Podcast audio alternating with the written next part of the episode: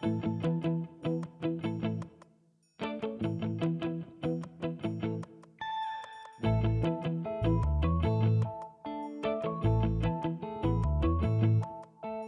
Women Peloton Podcast.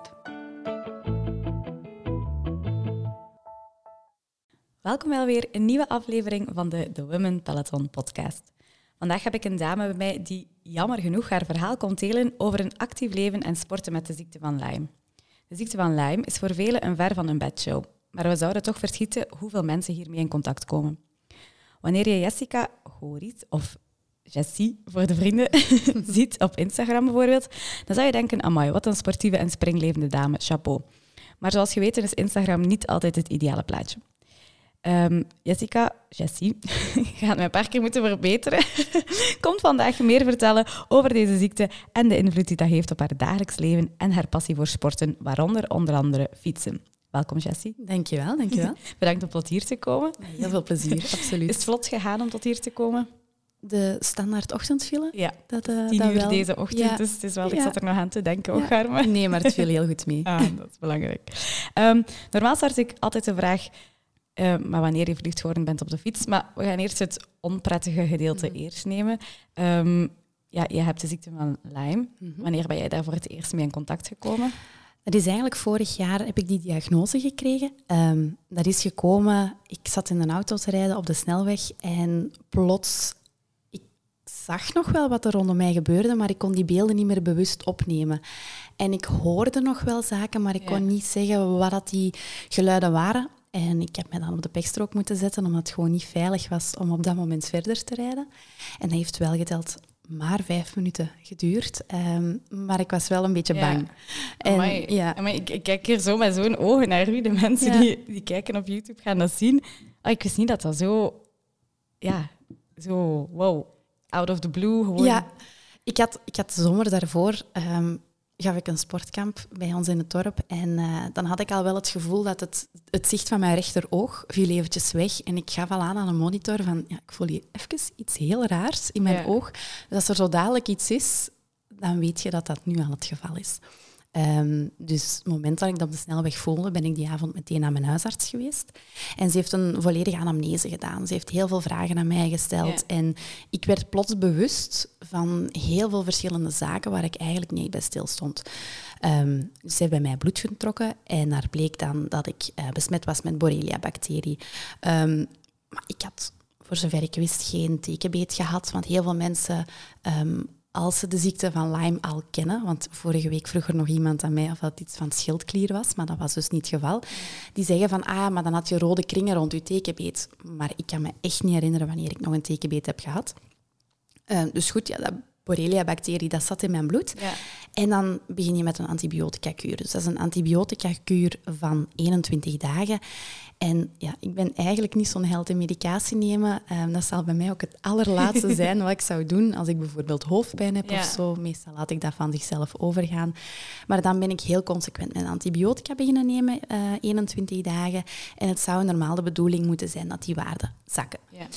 Um, maar dat bleek bij mij niet het geval te zijn. Dus chronische ziekte van Lyme. En dan denk ik dat de standaardvraag aan uw huisarts wel is van ja, en wat nu? Welke medicamenten moet ik daarvoor nemen?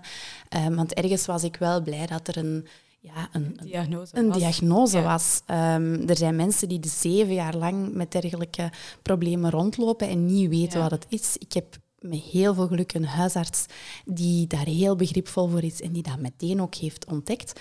Um, maar daar bestaat geen juiste ja. medicament voor. Nu, er zijn behandelingen in Duitsland die heel veel geld kosten. Nu, zover zit ik zelf ook ja. niet met mijn klachten. Um, ja, en dan krijg je het antwoord van, ja, je gaat het eigenlijk een beetje zelf gaan moeten ontdekken wat dat werkt. En in het begin, ja, mijn voornaamste klacht was, ik was heel moe. Um, ik, steek, ik doe mijn job bijvoorbeeld heel graag en ik steek daar met heel veel plezier mijn energie in.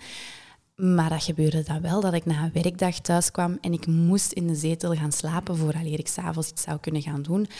Um, spierkrampen.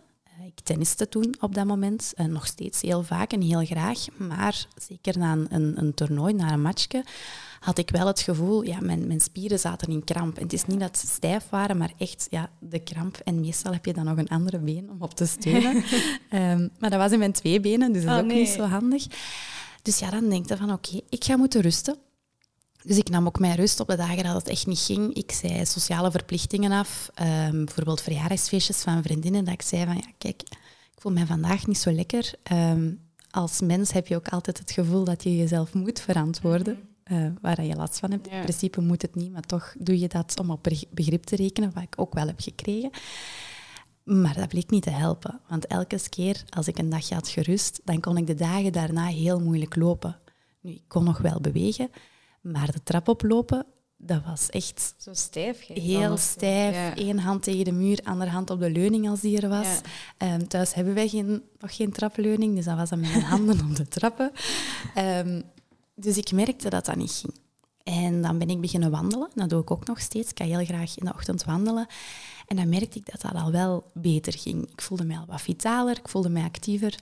Ehm, maar ik merkte dat ik nood begon te krijgen aan meer. En ik heb um, heel veel mensen in mijn omgeving dat fietsen. En dat was in een periode dat um, vier kennissen van mij de duizend kilometer voor Kom op tegen kanker uh, gingen doen. En op een of andere manier triggerde mij dat. En ik heb bijvoorbeeld een vader die dat altijd gepassioneerd was door het fietsen. Hij woonde vroeger ook in Balen, dus ja, Tom Bono kwam dan um, toch al eens meer dan eens aan bod aan tafel. Um, en ik heb vroeger als kind ook gemountainbiked met mijn uh, papa en mijn broers. En uh, ik dacht, ja, oké, misschien moet ik het toch nog eens een kans geven. Omdat ik, uh, ik heb een kleine vijf jaar geleden had ik al een, een, koersfiets gekocht, maar heel weinig kennis. De foute maat gekocht, foute ah, zadel, niet de juiste ondersteuning, heel veel zadelpijn. Dan heb ik dat meteen opgegeven. En dan uh, zei ik tegen mijn vader van ja, kijk, die interesse zit er terug. En hij heeft een, uh, een fantastische vriendin en zij had nog een koersfiets op stal staan. Dat is een relatief nieuwe Specialized. En ze zei, maar weet je wat, komt je van mij een keer halen? Wij passen die aan aan u. Um, er zat ook een smallere zadel op, omdat ik vroeger merkte met bredere zadels dat ik heel veel last had. zat een smallere zadel op.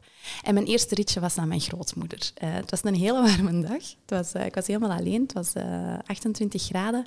Mijn grootmoeder die woont aan drie dorpen verderop. Het was 17 kilometer heen, 17 kilometer terug. De meest slechte fietspaden dat je eigenlijk maar kunt denken. Maar ja, op dat moment denk je van, ja, ik moet er eigenlijk gewoon heen fietsen. Je staat niet stil bij de fietspaden. En uh, ik kwam thuis en ik voelde echt een euforie in mij. En ik, weet niet goed, op, ik wist niet goed op dat moment, is dat nu een euforie omdat ik heb gesport, omdat ik eigenlijk van nature niet zo heel sportief ben. Ja. Ehm, is dat omdat ik trots op mezelf ben, omdat ik voor de eerste keer 32 kilometer had gefietst. Um, dat was ook mogelijk omdat ik mijn grootmoeder had gezien. Uh, maar dan, ja, je gaat dan nog eens fietsen en je gaat dan nog eens fietsen. En je merkt dat die euforie blijft. En het voornaamste is, ik merkte dat dat uh, heel goed was voor mijn lichaam. Want mijn, uh, mijn symptomen daalden. Ja. Ik had er veel minder last van. Door het sportief zijn, door het fietsen, door het bewegen. Ja, exact. En dan ben ik naar de huisarts gegaan om dat, dat, uh, om dat tegen haar te melden. En dan bleek dan inderdaad sporten dat dat heel goed blijkt te zijn voor Lyme. Omdat uw Borrelia-bacterie, dat zet zich in um, heel collageenrijke vezels. Dus dat zijn uw spieren en uw gewrichten, um, soms ook uw hersenen en uw ogen. En de meest ideale plaats voor dat bacterie uh, om te zitten zijn koude plaatsen die dat wat vaak wat straffer of wat stijver zijn. Maar juist door het sporten wordt dat warm, wordt dat wat soepeler, waardoor dat, dat daadwerkelijk een heel goed effect had voor mij persoonlijk. Ja, het is natuurlijk afhankelijk van Lyme-patiënt tot Lyme-patiënt, maar voor mij helpt dat echt uh, enorm. Want zijn er verschillende soorten van de ziekte van Lyme? Dan hij zegt voor mij werkt dat wel, eh, voor mijn symptomen werkt dat wel, voor anderen dan misschien niet. Nee, er zijn momenteel 360 gekende symptomen. Um, dat gaat van... 360? Ja. Ik zit hier te knikken, maar mijn frank viel niet. Er zijn er heel veel, 360. Um, ehm, dat kan bijvoorbeeld op neurologisch vlak aanslaan. Uh, ik heb al verhalen gehoord van mensen die plots angstaanvallen krijgen, depressies krijgen. Um, echt gewoon het diagnose krijgen van een burn-out, wat uiteindelijk de ziekte van Lyme ja, bleek te zijn. Verkeerde diagnose krijgen voor iets Ja. dat is heel veel het geval. Nu, bij mij slaagt dat inderdaad echt op mijn spieren, op mijn gewrichten. Ehm, dus tijdens het fietsen, na het fietsen, heb ik daar, ja, ben ik heel blij om, geen last van. Ehm, omdat dat een sport is, heel lang op, de snel, op dezelfde hartslag. Ja. Terwijl als ik sporten doe met piekinspanningen, zoals het tennissen, ja, dan, zoals gisteren na mijn tennismatch, ik begin te manken. Ik zeg tegen mijn tegenstanders, van, ja, kijk, ga jullie maar eerst de trap op, want het gaat bij mij wat een beetje trager moeten gaan. En ehm, ja, mijn, mijn, mijn, gewrichten doen dan heel veel pijn, mijn spieren doen dan heel veel pijn. En dan krijg je vaak de opmerking van, oei, die heeft zich gekwetst tijdens de match. En dan moet je opnieuw, heb ik dan weer de neiging om het uit te leggen. Maar ik wil dan mij verantwoorden van, ja, nee, ik ben niet gekwetst, dat komt daardoor. Ja. En aan de ene kant denk ik van, ja, moest je dat nu weer al zeggen? Maar aan de andere kant heb ik wel zoiets van, dat zorgt er wel voor dat meer en meer mensen weten wat de ziekte van Lyme is. En dat ze daar veel meer rekening mee gaan kunnen, gaan kunnen houden. Ja. Want om nog even terug te komen, dus je had wel, ja, ik denk dat dat in mijn ogen ook, uh, ik had daar gisteren over met Jasper, ik zei al, morgen komt er een dame naar de podcast die uh, de ziekte van Lyme heeft. En ik ben daar mega benieuwd naar, want ja, het enige wat ik zou weten is, je krijgt een tekenbeet en baf, je hebt de ziekte van Lyme. Ik ben panisch ook voor teken. Dat is als ik ga mountainbiken, is dat het eerste wat ik doe, al mijn kleren uit en overal kijken. Maar ah, dat is wel heel goed dat je dat doet. of er ergens iets zit, want ik heb al al een paar tekenbeten ja. gehad in mijn leven. Ik heb ook altijd paard gereden. Ehm, ik zat gewoon heel veel in het bos ook, als we met de paarden gingen gaan wandelen. Er zaten heel veel teken op de paarden soms. Uh, dus ik heb daar wel altijd ja, heel mijn leven mee, mee opgegroeid geweest, mhm. zeg maar. En, en, en altijd bewust van geweest dat ik daarvoor moest opletten. Um, ik heb daar tot zover ik weet niets aan overgehouden. Mhm. Maar kwam dat dan bij u van ooit een tekenbeet te krijgen? Of? De enige keren dat ik weet dat ik een tekenbeet heb gehad, dat was inderdaad ook ehm, tijdens het mountainbiken. Um, dat was dan met mijn vader vroeger. Ik ging dan... Uh, mijn vader en mijn broers gingen dan de 40 kilometer fietsen. Ik ging dan de 25 kilometer fietsen. Wij kwamen wel altijd op hetzelfde moment aan. Niet, niet per se omdat ik trager fietste, omdat ik iets te lang bij de bevoorrading Ah, voilà. Zo is dat dan. um, en inderdaad, tijdens de bevoorrading heeft iemand mij ooit aangesproken van ah, oei, je hebt daar iets zitten. Um, en gelukkig was er iemand die in zijn fietstasje een, uh, zo'n klein pincetje erbij speciaal voor tekenen om dat eruit te halen. Maar ik heb nadien nooit last gehad. Um, ik heb nooit rode kringen daar rond ja. gehad. Op dat moment hebben wij mij ook niet laten testen, maar de jaren daarna heb ik altijd bloed laten trekken. Um, en dat is nooit naar boven gekomen. Want heel veel mensen denken ook van, het is al pas als je een uh, rode kring hebt rond je tekenbeet, dat je dan besmet bent. Maar dat is niet het geval. Het kan soms ook zijn dat dat totaal niet het geval is.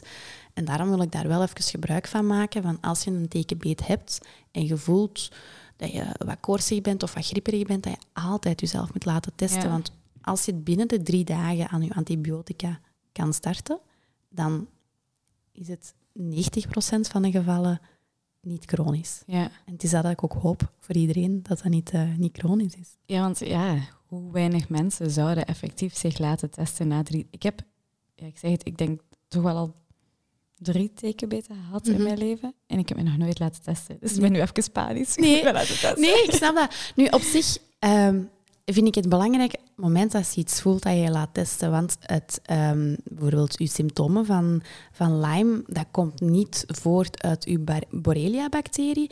Maar de, de, de, klachten die ik bijvoorbeeld heb, is omdat mijn immuunsysteem op die plaats tegen dat bacterie aan het werken is.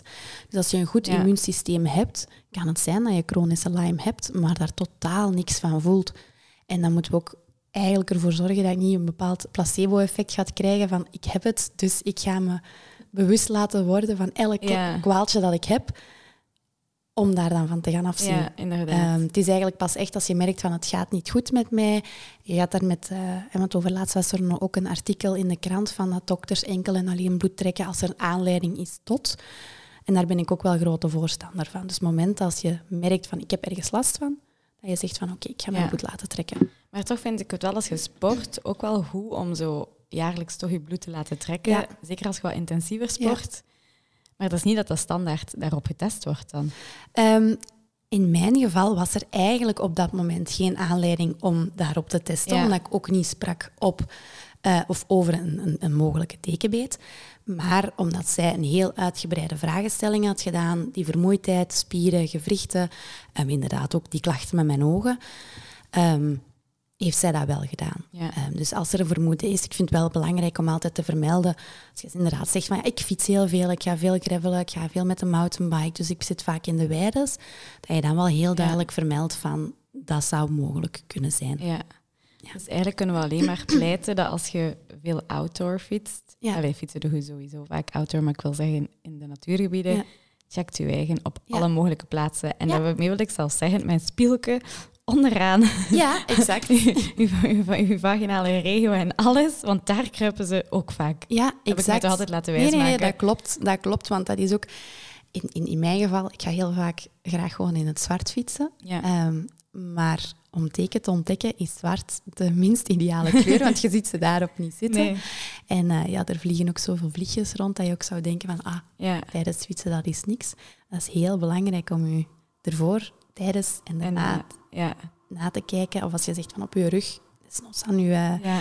je wielercompagnons vragen van, oh, je even kijken of alles oké is. En je haren ook, want ze kunnen ook op, eh, op je hoofd komen te zitten. Dus eh, het zijn toch vieze beestjes, ja, hè? ja, ja. Maar dus, wat dat mij nu nog altijd niet duidelijk is, is... Het is niet... Je kunt het ook op een andere manier krijgen. De ziekte, niet los... Niet, het moet niet altijd van een teken komen dan. In de meeste gevallen komt dat van een teken. Zeker toch ja. wel. Ja, Toch nu, wel. er zijn studies dat dat ook, eh, want er is een mogelijks vermoeden dat dat bij mij ook van een dazerik zou kunnen komen. Eh, Ah. ja. Maar ik het jaar daarvoor heb ik eh, een steek gehad en mijn bil was echt twee keer zo dik dan het zou mogen zijn. Ehm, er is in Amerika nu net ook iemand, ehm, of net recent besmet geraakt door een bromvlieg.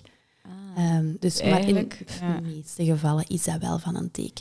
Maar nu ben ik nog meer panisch, omdat, ik zal u uitleggen waarom, bij de paarden, dus heel mijn leven paard gereden, zitten veel dazen. En Exact. Ja. ik heb al paar tekenbeten gehad, maar ik kan niet meer bijhouden hoeveel dazenbeten Ja. ik al in mijn leven heb Exact. gehad. Ja, zo zijn er heel veel. Dus, nu, het is bij mij niet bewezen dat het Nee, nee. is, maar studies wijzen wel aan dat dat wel mogelijk mo- is. kunnen. Ja, Amai. Daar is toch veel te weinig over geweten Absoluut. uiteindelijk. Hè? Ja. Want hoeveel mensen zouden daar misschien mee rondlopen, bepaalde klachten hebben en dat gewoon niet weten? En ik snap wat je zegt, het is soms Ja. misschien beter om het niet te weten, omdat je daar dan misschien niet gaat aan toegeven. Ik zou Ja. denk ik ook wel de persoon zijn die zoiets heeft van oh nee, ik heb dat dus, ik moet rusten, ik moet dit, Mhm. ik moet dat. Maar ja, jij bewijst nu tegenovergestelde voor jouw symptomen.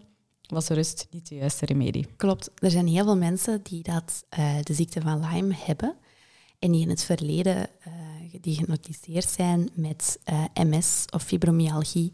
Ah, ja? Omdat dat heel onbekend is. Nu, wij hebben het geluk in België dat de artsen daar echt wel in mee zijn en die dat daar ook echt in geloven. Ja. Maar in Amerika is merendeel van de artsen ervan overtuigd dat, oké, je kan borrelia in je bloed hebben, maar daar zijn geen gevolgen aan. Nee. En zeker daar moet dat heel frustrerend zijn. En ik kan dat ook echt wel geloven. Dat, ja, ik heb echt het geluk dat die diagnose meteen bij mij gesteld is geweest. Maar als je daar jaren mee rondloopt en mensen zeggen tegen u van... Ja, het zit tussen nu twee oren. Dat dat heel frustrerend moet ja, zijn. inderdaad. Ja. ja, jij sport nu wel veel. Mhm. Ehm, hoe uitzicht dat? Hoeveel keer sport je in de week? En, en heeft dan toch die ziekte van Lyme gevolgen? Nou, allee, moet jij toch speciale maatregelen nemen of niet? Ehm, ja, ik, ik probeer zoveel mogelijk te fietsen. Ik, heb, eh, ja, ik, ik fiets niet graag in de koud en regen. Moeilijk in België, moeilijk. Ja, zeker. eh, nu, nee, het is, eh, ik, ik ben heel bang, omdat ik zo graag fiets, wil ik geen die goed krijgen van het fietsen. Dus ik heb nu ook wel eh, geïnvesteerd in fietsrollen. Ehm, dus daar probeer ik wel twee keer in de week gebruik van te maken. Ja. Ehm, en dan, ja, buiten fietsen, dat is ook een beetje luisteren naar je lichaam. Ehm, ondanks dat sporten wel helpt, moet ik wel toegeven dat ik soms wel iets heb van, ja, nu moet ik wel luisteren naar mijn lichaam en nu moet ik wel Ja. rusten. Ehm, en dat resulteert zich dat het bijvoorbeeld, ik weet nog de eerste keer dat ik buiten ging fietsen, een dikke maand geleden, ehm 15 kilometer ver. En dan moeten aangeven van, kijk, het gaat niet Ja. ik ga moeten terugdraaien en ik, eh, ik ben heel blij dat ik een, een klein fiets, fietsclubje heb met vriendinnen die dat daar... De, de vino... Uh... De Velovino's. De Velovino's, ja. En het ja, grappige ja. is, wij drinken eigenlijk allemaal geen wijn. Ah. Eh, maar we vonden dat wel een toffe naam. Ja. Ehm, en dat zijn allemaal meisjes die dat er heel veel begrip voor hebben. We hebben allemaal onze kwaaltjes en we hebben allemaal onze probleempjes, om het zo te zeggen. En eh, ja, dat is zo'n leuze dat jij ooit hebt uitgesproken. We leave no queen behind. Ja. En dat is exact ook onze leuze. Ah, dus er wordt heel veel eh, ja, begrip voor getoond als het met een van ons iets moeilijker gaat. Ja, Ja. Wij geven dat gewoon aan. Er is ruimte ook om te zeggen van... Ja, eh tournee, het gaat niet. Of ik ga Ja. terug, doe jullie maar verder. Maar dan nog rijden die gewoon mee terug. Of passen zij zich hun tempo. eh. Amai, dat is kei fijn. ja. Ik word er zo happy van. Ik zie het. Ik vind dat zo leuk dat dat op die manier kan en dat je zo elkaar kunt ondersteunen. Zo want, moet het, hè. want ja, het is like dat je zegt, bij u is dan ziekte van Lyme, maar soms kun je ook gewoon een slechte dag hebben. Mm. Ja. Ja. ja, gewoon een ambetante op het werk. Je kunt wel ziek zijn, eh, de kindjes kunnen moe zijn, eh, je hebt slecht geslapen. Ja, te veel wind tegen. Soms, ja. Goede reden, heel goede reden, te veel wind tegen. Ja. Ik zou ook direct omdraaien. Je hebt daar dus apps voor, hè, om te zien welke kant je route moet Ja. uitgaan. Maar ik ben daar nog niet zo goed in. Ja, inderdaad. Eh, wie zijn wij dan? Ja, langs- ja, Astrid Stokman, die, eh, die hier ook al langs is geweest, die zei dat ook, dat dat zo kan. Maar ik moet eerlijk zeggen dat, dat ik dat nog altijd niet heb geïnstalleerd. Nee, nee, ik ook niet. En dan ben je aan het fietsen van de week ook helemaal alleen langs de vaart. En dan denk je, ah, tju, verkeerde kant uitgereden. Toch moeten draaien. Ja. Ehm, maar stel nu dat er mensen luisteren en Mhm. die zeggen van... Ja, ik heb dat misschien. Hè, of die, die weten dat die dat hebben, maar die nooit de stap durven zetten hebben naar dat sporten. Hoe zou je hen adviseren om dan toch rustig aan die stap te zetten? Wat voor mij heel hard heeft geholpen, is dat wandelen. Dat is een, een, eh, een sport, want veel mensen zien dat niet als sport. Dat is een sport die dat niet zoveel intensiviteit vraagt. Je hebt daar eigenlijk ook, moet daar geen investeringen in doen. Ehm, je kunt dat perfect gewoon Ja. blokje rond, al is dat maar 500 meter. En zo heel geleidelijk aan kan je jouw conditie Opbouwen. in mijn geval, ja, ik tenniste, ehm, maar op mijn niveau, en dan wil ik zeggen het laagste niveau, is dat niet zo heel intensief, bouw je daar niet zo'n heel goede conditie mee op. Ja. Ehm, ik denk voor het plezier van sporten dat het belangrijk is om eerst geleidelijk aan je conditie op te bouwen. Want om, als je geen basisconditie hebt en je springt meteen op de fiets, denk ik dat dat wel voor een grote tegenslag kan volgen Ja. als je ja, vijf kilometer ver bent en je zit al op je laatste adem. Zeker als je dan nog die voorgeschiedenis hebt van Ja. chronische ziekte. Exact, Ja. ja. exact. En gewoon doen wat je heel graag doet. Als je zegt van ja, ehm, ik heb wel interesse in het fietsen, ga niet meteen alles beginnen aankopen. Nieuwe fiets, nieuwe kleren, nieuwe schoenen. Er zijn altijd mensen in je omgeving ehm, die dat hun... kunnen helpen. Ja, waarbij je zegt van oké, mag ik jouw fiets even lenen of die een, een oude fiets op stal Ja. hebben staan. Ik heb nu ook heel veel mensen, vrouwen in mijn omgeving, die ehm, een beetje door mijn te felle enthousiasme van het fietsen ook wel interesse beginnen te krijgen en ook adviezen aan mij vragen. Dat ik dan ook altijd aanraad van als je wilt eh, beginnen en je wilt iets van jezelf, koop iets tweedehands en niet de, de dure prijs. Ja. Zorg wel dat je fiets goed afgesteld staat. Ehm, durf wel de investering te doen in een juiste zadel. Ehm, en eventueel in een bikefitting, dat je wel op dat vlak goed zit. Ja, ja. En dan gewoon ontdekken en eh, niet, niet, eh, niet naar je snelheden kijken, want daar is Strava soms nog een beetje...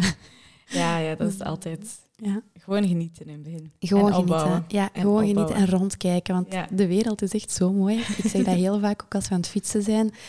Ja, ze weten dat als, wij, eh, als ik koeien of schapen of geiten passeer, ehm, de meesten kijken recht voor zich als ze fietsen. Maar ik ben op dat vlak iets meer eh, een zondagsrijder. en eh, gewoon genieten van het uitzicht, want het kan echt heel mooi zijn. Ja. En toch af en toe voor je kijken dat je niet Ja, die voor je absoluut. rijdt. Ja, absoluut.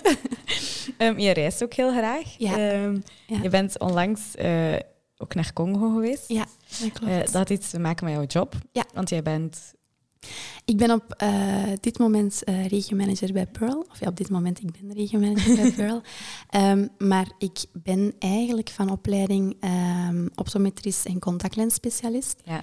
En ja, wij zamelen oude brillen in. Ehm dus brillen die je niet gebruikt, ja, weggooien, dat kost eigenlijk te veel geld. Ehm, dus daarom zamelen wij die in. En dat is voor een organisatie Ophthalmology Worldwide. Ja. En die gaan eh, een paar keer per jaar naar eh, Congo om daar oogzorg te bieden. Ehm, daar is één oogarts per eh 10 miljoen mensen.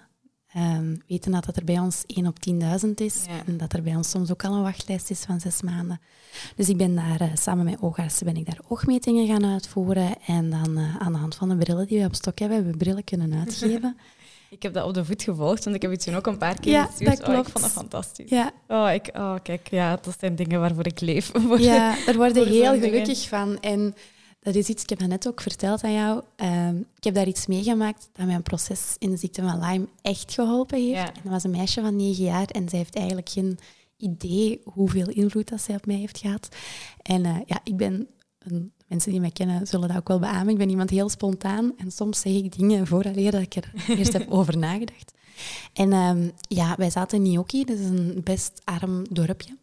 En heel vaak hadden ze geen schoenen aan. En dat meisje had één schoentje aan. En uh, ja, zo, zo, spontaan dat ik ben, ik zei van, ah oei, je bent jouw schoentje kwijt. En zij keek naar haar voetjes, duidelijk dat zij daar zich niet van bewust was. En zij keek en zei, ah ja, maar ja, ik heb toch nog een schoen. Zij, voor hetzelfde geld had ik geen schoen. En dan liep ik op mijn blote voeten, maar dat is niet het geval, want ik heb nog een schoen.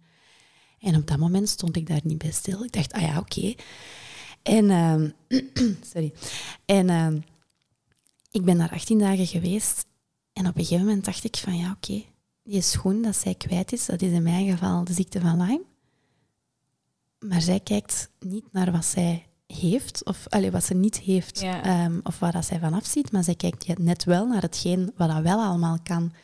En dat meisje van negen jaar in een dorpje heel ver in Congo heeft mij zo fel doen relativeren. Dus als ik spierpijn heb, dan denk ik van ja, oké, dat is lastig, maar straks is dat over, morgen is dat over, maak je daar niet druk in. Er zijn mensen die het veel erger hebben dan mij, die veel harder afzien dan mij. En we gaan het gewoon passeren. Ehm, ik heb al liters magnesium op mijn benen gesmeerd, dan doe ik daar nog eens een kwakje magnesium bij. En uh, ja, dat is... Uh, dat is mooi. Ja, ja.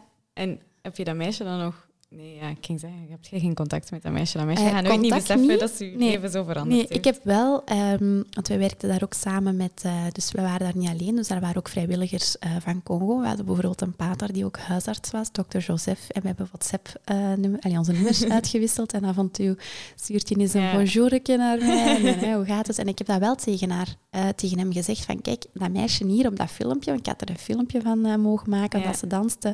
Ik zeg, je moet daar eens een hele dikke dankjewel geven van mij, want uh, die heeft uh, heel veel voor mij betekend. En dat is een verhaal dat ik op het werk ook al een paar keer heb uh, vermeld en in mijn sociale omgeving. En dan word ik nog altijd aangesproken van mensen van, ja, dat verhaal van dat schoentje dat aan mij hebt verteld, ik heb dat thuis tegen mijn kinderen gezegd en dat heeft mij ook geholpen. Ja. Dus dat één klein meisje heeft op heel veel mensen impact gehad. Ja. Dat is echt, ik denk dat verhaal, dat, dat verhaal mij ook kan helpen. Ja. ja. ik vind het heel, heel, heel mooi. Um, ja, jouw job is dus ooggerelateerd, ja, zal ik maar zeggen. Um, en wat het er net voor de podcast al voor, wij dragen beide lenzen. Mm uh, ik draag daglenzen. Ja. Jij ook ja. daglenzen? Ja. ja. Um, en ik zei, ja, dat is eigenlijk iets waar ik nog nooit in de podcast heb over kunnen spreken. Um, over lenzen en fietsen. Ik vind dat niet altijd even evident. Mm -hmm. um, vooral als je ja, twee, drie uur fietst, oké, maar bijvoorbeeld de Swiss Epic was in mijn geval soms tien uur op de fiets. Ja. En ja, dat was mijn angst, dat ik mijn lenzen zou verliezen in het midden van de bergen. ik had altijd reservelenzen mee, maar voor de mensen die lenzen dragen, weten dat dat niet zo evident is om dan zomaar in de middle of nowhere te switchen. exact. Zeker als uw ogen, ja, of modder, droog, whatever, wind. Um, heb je tips voor mensen die fietsen ja, lenzen? absoluut. Um, eerst en vooral wil ik beginnen dat niet iedereen weet dat lens een optie is. Ik heb dat net ook tegen jou verteld. De meest gekende sterktes zijn zo min 1 plus 2. Dus dat zijn uw basissterktes.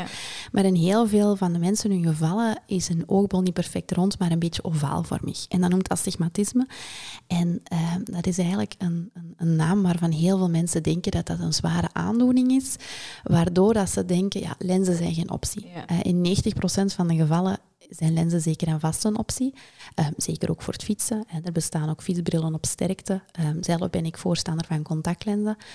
Lenzendragers weten ook vaak niet dat er een draagtijd is voor contactlenzen. Je hebt je um, maandlenzen. Die doe je s morgens in, s'avonds doe je die uit. Je poetst die, steek die in een potje. Dag erna steek je die terug in. Eerste van de maand, bij wijze van spreken, doe je die blister van de contactlens open. Dertigste ja. van de maand gooi je die weg. Ehm, maar bij daglenzen is dat anders. Je doet die 's morgens in, je doet die s'avonds uit. Ehm, ben ik zelf ook grotere fan van. Ik ben daar destijds, vooral tijdens corona, ben ik met daglenzen gestart, want ik had gelezen dat corona ook op je contactlenzen zou Ah, ja? kunnen zitten. Nu Ah, wat ja. er van aan is, dat weet ik Ah, niet. ja. Ehm, maar contactlenzen hebben dus ook een draagtijd. En dan bedoel ik niet daglenzen of maandlenzen, maar ook het aantal uren per dag dat je ze kan dragen. Ja. Ehm, de, de iets traditionelere lenzen zijn vaak zeven of acht uur per dag. Maar als we realistisch gaan kijken, uw werkdag is vaak al acht Ja. uur. Waardoor dat die draagtijd op is. Maar je hebt tegenwoordig ook contactlenzen die je 12, 13 uur per dag zou kunnen dragen. Nu, elke dag dat doen is niet zo verstandig. Maar zeker als je zegt voor de Swiss Epic of je gaat lang fietsen of je gaat bikepack, bikepacken, ehm, is dat wel heel handig om dat op te, eh, Ja. te overwegen. Ja, want ik ben ook aan het denken, als ik dan... Ik, ik ben wel al meer bewust. ehm, vroeger had ik een bril dat ik niet zo graag droeg. Dus ik droeg mijn lenzen dag in, dag uit, Mhm. veel te lang. En ik begon dat ook te merken aan mijn ogen. Dus nu, wat ik vaak doe, is dat ik ochtends mijn bril aandoe, een paar uur. Als ik dan buiten ga, dan doe ik mijn lenzen in. Of als ik ga fietsen en als ik thuis kom en ik ben gedoucht. Ja. Allee, ik doe eigenlijk mijn lenzen uit voor het douchen, want ik heb daar onlangs heel harde miserie mee gehad. Dat ik mijn lenzen in duizend stukjes in mijn ogen zaten en tijdens het douchen. En ik heb daar drie of vier dagen echt opgezwollen ogen van Ja, ja, ja, sowieso ook. Als je, je contactlens is gemaakt om vocht op te nemen. En dus je contactlens blijft vochtig doorheen de dag, door je traanvocht. Ja. Maar ook met douchen, als er kraanwater op komt, want lenzen mag je nooit reinigen met kraanwater. Ja, nee. Als er kraanwater op komt, in kraanwater zitten ook bacteriën. ja, En daar kan je ook irritaties van Dus, ja. krijgen op je ogen. Dus dat is... eh, een heel belangrijke tip. Nooit douchen met lenzen. Nee, en ik vind het ook trouwens heel goed dat je zegt, s'morgens zet ik mijn bril op, dan zet ik mijn lenzen in en daarna doe ik mijn, mijn lenzen meteen uit. Ja. Ja, ik goed. probeer dat doen. Dat lukt niet altijd. Nee. Ik bedoel, ga ook liever gaan eten op restaurants met mijn lenzen in dan met mijn bril. Dat Ja. is zo'n stom iets, want ik Ja. vind mijn bril kei mooi en Mhm. mensen vinden mij ook mooi met mijn bril, maar dat blijft toch wel iets Ja, ja, dat je toch liever precies niet op hebt. Wat Mhm. ik absoluut ja, stom vind van mezelf om te zeggen, want dat is perfect oké om een bril te dragen. En er zijn ja. zoveel mooie brillen. absoluut. Maar er zijn ook wel mensen die mooier staan met een bril dan ik zelf. Ik snap volledig, ondanks dat ik inderdaad altijd in de optiek heb gewerkt en brillen heb verkocht. Ja, ik, ik schuil mij dan achter het feit dat ik contactlensspecialist heb, want ik draag eigenlijk ook wel altijd Ja. mijn contactlenzen, omdat ik me daar ja, iets Beter. beter... Comfortabel. Ja, en, ik vind dat soms ook gewoon niet zo altijd makkelijk, mijn bril. Mhm, En dan ben ik zo lomp en dan... Ja. Oh, dat ligt eerder ook aan mij, maar... Eh, Terug naar het fietsen. Ehm, tips. Dus eigenlijk niet te lang aandoen op de Ja, fiets. Dat klopt. Dat is een grote tip. Ehm, wat ik soms ook wel heel veel last van heb, is wind. Mhm. Allee, ehm, veel... Sommigen zie ik nog altijd wel... eh, dat is echt wel ook nog een belangrijke. Sommigen zie ik ook nog wel vaak fietsen met een gewone zonnebril. En Ja. dan denk ik, oh, dat is zo gevaarlijk. Doe Ja. dat niet. Want als je valt, dan spletst dat helemaal in je ogen. Exact. Ik heb daar gisteren toevallig nog een artikel over gelezen. Dus ehm, wat ik sowieso zou aanraden als je contactlenzen draagt, maar eigenlijk ook wel zonder contactlenzen, is altijd een fietsbril opzetten. Ook voor de vliegjes Ja. die dat zich eh, daar soms uh, Ja. ingewaaid krijgen. Ehm, maar ja, zeker met contactlenzen. Je krijgt heel veel lucht op je contactlenzen. Dus je contactlenzen, zoals ik net ook zei, worden ja, gehydrateerd door je traanvocht. Maar als je daar heel veel lucht op krijgt, worden die droog. En heb je de Ja. kans inderdaad ook dat die eh, uitvallen. En een fietsbril is altijd gemaakt uit ehm, kunststof. We zeggen wel glazen, maar eigenlijk is dat geen glas. Glas, ja. Ehm, maar inderdaad, sommige zonnebrillen ehm, die daar niet gemaakt zijn voor fietsen, zijn inderdaad gemaakt van glas. En dan kan je horen als je daar eh, met je nagels op tikt, Ah, ja. dat dat een heel hoog geluid is. Inderdaad, als je daarmee gaat vallen, ja, Dat dat is heel gevaarlijk. gevaarlijk. Ja, dat is heel gevaarlijk. En jij weet misschien ook, ehm, nu, we zijn nog maar net terug van Mallorca en heel veel dames droegen hun fietsbril onder de lintjes. Ja, Eén, esthetisch gezien, Mhm. zegt Jasper altijd, draag dat boven de lintjes. Dat is Mhm. gewoon zo. Maar daar is ook wel een andere eh, reden voor. Ehm, dat dat belangrijk is dat als je valt, dat je bril eigenlijk onmiddellijk uitvalt. afvalt. Terwijl Ja. als hij onder de lintjes zit, Ja. dan zit hij vast en dan kan dat ook wel nog gevaarlijk zijn Ja, als je dan valt. kan dat voor kwetsures zorgen. Hè? Ja. ja, exact. Dus bij deze, iedereen die luistert, draag de bril boven, Boven de lintjes. Esthetisch gezien mooi, maar ook zeer veilig. Absoluut. voilà, bij deze ook alweer uit. Amai, wat een leerrijke Maar podcast. ik, ik heb daar zelf ook wel eh, ja, al veel van bijgeleerd. Draag jij uw, bril boven of onder de lintjes? Boven. Ah. Oké. Ja. Ja, want en ik zit daar mijn hier te ook lachen. nog maar- eens boven. Ik vind het verschrikkelijk als die lintjes op mijn haar zitten. Als je, zo, Oeh, je, hebt uw haar. je hebt dan je haar, ik doe die altijd in een vlechtje Ja? en ik zet dan mijn, mijn helm op. Maar ik vind dat verschrikkelijk als mijn haar onder die lintjes zitten. Dus ik trek die er dan Ah ook ja, nog een keer zo voor. vooruit. Ah, Ja, ja, zo Dat ze dan ook nog een beetje zien dat wij vrouwen op de fiets Ah zijn. ja, ik steek alles naar achter. Dat is het ik word daar loco van als de haar in mijn, in mijn gezicht zitten. Ja, Ik zie dat soms zo. Hè. Op Instagram en al zo meisjes die dat zo mooi kunnen leggen. En dan denk ik, oh, Ja, dat is heel schoon, maar dat lukt niet bij mij. maar voor het fietsen is dat altijd mooi. Na het fietsen Fietsen is dat- dat niet om aan te zien. Dat is ook de reden waarom ik altijd foto's post van voor het fietsen. en niet van na het fietsen. Ja, maar je moet een real life posten. hè. Ja, Vanaf ja, nu naar voren en Oké, doe ik. Zo'n swipeje. Ehm, mocht jij eh, de perfecte dag op de fiets kunnen Mhm. beschrijven? Een mooie dag in België, zon. ehm, hoe zou die er voor jou uitzien? Waar start je? Waar eindig je? Waar doe je een tussenstop? Ja. Heuvels, geen heuvels, kasseien, wel kasseien? Ehm startte bij mij thuis. Ik, eh, ik heb net ook voor de podcast gezegd, ik woon in Westmalle. En ehm, vorige week is trouwens de, de fietsroute van Westmalle uitverkoren als de Ah ja? beste en de mooiste fietsroute van Vlaanderen. Dus dat is al wel eens fijn om daar te kunnen fietsen. Ehm 23 graden, mijn eh, vriendinnen van de Velovino's erbij. Ehm, langs, de, langs het kanaal. Ja, liefst dan inderdaad op voorhand weten als er wind is, dat die toch in onze rug is. Goed voorbereid. Ja, en dan ja, degelijke fietspaden. Want dat is iets dat ik wel denk, van als ik de verkeerde afslag neem en je zit op zo'n zo'n fijn fietspad, dan denk ik, ah, ja, dan moet ik onthouden voor de volgende keer. Maar en dus geen wijntje achteraf? Ah, wel, nee, dus door mijn, eh, door mijn ziekte van Lyme, dat slaagt dus ook op je lever, ben ik eh, sinds eind vorig jaar gestopt met alcohol drinken. Ja. Niet dat ik een probleem had, maar af en toe inderdaad een wijntje of een cava dat ik kon, kon Ja. smaken. Ehm, maar ja, dat zit ook zo een beetje in die ontdekkingsfase dat ik merk van geen alcohol drinken heeft niet alleen effect voor mijn ziekte van Lyme, ehm, want ik denk ook voor mensen die dat daar niet aan lijden, dat dat ook wel Ja, ja, het is... het de nodige gevolgen heeft. ehm, we hadden het er ook over onlangs dat als je bijvoorbeeld een fietshorloge of zo aandoet, ehm, dat, ja, je kunt dat ook tracken voor je slaap. Als je dan een glaasje alcohol drinkt na een lange fietstocht. ehm, en dan kijkt je de ochtend nadien en naar de kwaliteit van je slaap. Mhm. Ja, dat is frappant. Hè. je bent veel onrustiger ook. Hè? Ja, ja. Ja, ik merkte dat ook. Eh, ja, ik wist nu ook niet, ligt dat aan de ziekte van Lyme of is dat omdat ik ouder aan het worden ben.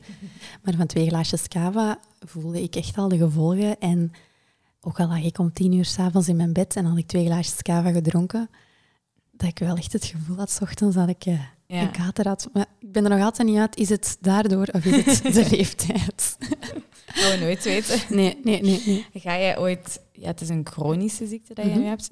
Daarmee veronderstel ik dat je daar nooit van gaat kunnen genezen. Dan. Nee, ik kan daar niet van genezen. ehm, maar ik ben daar wel van overtuigd als ik voel hoe dat nu gaat. En want ik heb, en, en dat is soms ook het moeilijke aan de ziekte van Lyme. ehm, je kan niet altijd op begrip rekenen. Eh, en dan, dan kijk ik vooral naar de, de sociale verplichtingen. Het kan zijn dat ik vandaag mij heel goed voel Ja. en dat ik van niks last heb en eh, dat ik echt de wereld aan kan. En dat dat gevoel morgen net dat beetje ontbreekt en dat ik niet vooruit kan gaan. En dat ik denk van ja, ik ga vandaag niet naar dat verjaardagsfeestje kunnen gaan, ehm, omdat ik moet rusten. Ja. Dus ja, ik ben heel blij dat ik tegenwoordig vooral hoogtepunten heb. Ehm, en Maar ook waarschijnlijk omdat je zo bewust bent van hetgeen wat je Ja. wel en niet kan. Ja, ja, ik ben nu ook vooral eh, op dit moment bezig om meer bij te leren over voeding. Ehm, want je hebt zo mensen dat zeggen van, oh, ik heb paprika gegeten en nu heb ik daar last van. Die kennis heb ik nog niet van mezelf. En wat gebeurt er dan ook als ik bijvoorbeeld ben gaan werken en ik kom thuis en ik voel mij heel moe, dan is het soms een opgave om te koken. Ja. Ehm, ik kook wel elke avond, of zo goed als elke avond, moet opletten wat ik zeg, want mijn vriend gaat ook luisteren. ik kook wel zo goed als elke avond. En wij eten ook gezond. Ehm, en met gezond kijk ik dan naar een pasta. Ehm, maar ik merk wel dat bijvoorbeeld vlees al een trigger kan zijn voor mij en lactose. Ja. Dus als ik niet specifiek zin heb in vlees, dat ik dan zeg van oké, we gaan voor een vleesvervanger gaan. Maar nu zou ik mij wel echt willen gaan verdiepen in oké, wat zijn energierijke en proteïnerijke ehm, producten die dat ook snel gemaakt Ja, ja. kunnen worden in plaats van altijd pasta, kip of tofu te eten. ja, qua koolhydraatinname is het wel goed, maar Ja, ja, het is wel fijn ook om af en toe ja, iets af te wisselen, inderdaad. Ik kan het me voorstellen. Ehm, heb je nog bepaalde doelen die je dan eigenlijk voor jezelf graag zou verwezenlijken op de fiets? Ehm, ik, ik ben dubbelzijdig competitief, zeg ik altijd. Oei, ik dat is een moeilijk woord. ja, ik ben eh, competitief naar mezelf toe, maar niet naar anderen toe. Je hebt mensen dat zeggen van, ah, ik heb vandaag geen goede snelheid, dus ik ga dat niet op Strava zetten of, of eh, niet delen met anderen. Ja. Dat interesseert me echt niet. Dat, eh, daar ben ik absoluut niet mee bezig. Ook al rijd ik maar aan 18 km per uur en rij, fiets ik bij wijze van spreken achteruit Ja, van vooruit. Daar ben ik niet mee bezig, maar ik vind het wel fijn om mezelf competitief uit te dagen. Ik heb eh, net verteld, volgende week is dan de Belgian Bike Fest. Ja. eh, ingeschreven door u. Ehm, en dat is mijn hoogtemeters. En ik heb dat nog nooit gedaan. Dus die afstand heb ik al wel gedaan, maar die hoogtemeters heb ik nog nooit gedaan. Ja. Ehm, dus dat vind ik wel fijn om mezelf daarin uit te dagen. Nu, ik ga niet eh, onrealistische toeren doen van 200 kilometer met eh 5000 hoogtemeters. dat weet ik dat ik op dit moment, en ik zeg op dit moment, Ja. ik zou het wel graag willen, niet kan. Ehm, dus dat vind ik wel leuk om te doen. En eh, ooit de 1000 kilometer voor Kom op tegen kanker is wel iets dat mij Ja. aanspreekt om te doen. Ehm, en ja, ik heb mij ook ingeschreven voor de dodentocht. Omdat dat ook iets is. maar ik- Amai, ja. pittig. Ik ga heel veel wandelen en dan Ja. denk ik, ja, ik ga wandelen. Oké, dat is goed voor mijn gezondheid. Maar omdat ik toch inderdaad graag met doelen werk Ja. en ergens naartoe werk, ehm, is dat ook wel iets dat ik... eh, Wil doen. ja, ik ga Amai. niet zeggen dat ik hem ga uitlopen, want ik zou het een grote veel vinden als ik hem niet uitloop. Maar ik ga wel mijn best doen. Proberen. Ja. Ik wens u daar super veel succes toe. Dat is, en wanneer gaat hij door? Eh 11 augustus. 11 augustus, Vrijdag 11 ja. augustus, ja. Ja. Dus, Oké, we eh, gaan het in de gaten houden. we gaan u steunen. Ehm, waar kunnen mensen jou volgen? Ehm, ik ben voornamelijk actief op Instagram, eh, onder de naam van Jessie Goris. Ehm, vroeger, en daar hebben we net ook over gehad, zat ik op TikTok, maar dat is... Voor, voorbij. ja, daar heb ik allemaal geen tijd in. En, geen En voor de duidelijkheid, eh. familie van de Goris-familie. Heel grappig om te vertellen. Ehm, mijn broer heet daadwerkelijk Sam Goris. Zegt Ja. ja, dus ik krijg ook heel vaak de vraag, ben je de zus van Sam Goris? En dan moet ik altijd ja zeggen. Heeft soms al wel voor de nodige hilariteit gezorgd, ook op school. Ehm, maar bij ons wordt het met één O geschreven en bij de zanger wordt het Ah. met twee O's eh, geschreven. Maar hij is altijd welkom op een familiefeestje. Voilà. Absoluut. Dus Kelly, Sam, moesten jullie luisteren? Je mocht bij de echte Sam Goris langs gaan. absoluut, absoluut. Ehm, ja, en dan de ultieme tip. Daar sluit ik Mhm. graag mee af. Wat is de ultieme tip van Jessie? Dat is eentje van Pippi Langkous. en dat is, ik heb het nog nooit gedaan, dus ik denk wel dat ik het kan. Ja. Ja, dat is eentje dat mij op alle vlakken helpt. Ik, eh, ik ga nooit dingen overthinken op voorhand en twijfelen of ik het wel Ja. kan. Ik heb zoiets van, ik zie wel, kan ik het niet? Ja, weet je, dan heb ik het geprobeerd. En kan ik het wel? Ja, kijk hoe van mij, dan ben ik super weten. Ja, Zo ga je ook Ja. waarschijnlijk starten aan de dodentocht. absoluut. Voilà. Absoluut. Amai. Kei mooi om mee af te sluiten. Dank u wel om ons zoveel ja, boeiende informatie te geven vandaag. Ja, jij bedankt voor de uitnodiging. En ook jullie weer bedankt om te luisteren. Zoals altijd kunnen jullie terecht op onze website www.thewomenpeloton.be om te zien welke events er nog aankomen. En op onze website kan je ook heel wat interessante women-based webinars, fietsinformatie, recepten en dergelijke vinden. Neem dus zeker een kijkje en ook sterretjes en reviews blijven meer dan welkom. Bedankt om telkens weer zo trouw aanwezig te zijn. Ciao en tot de volgende!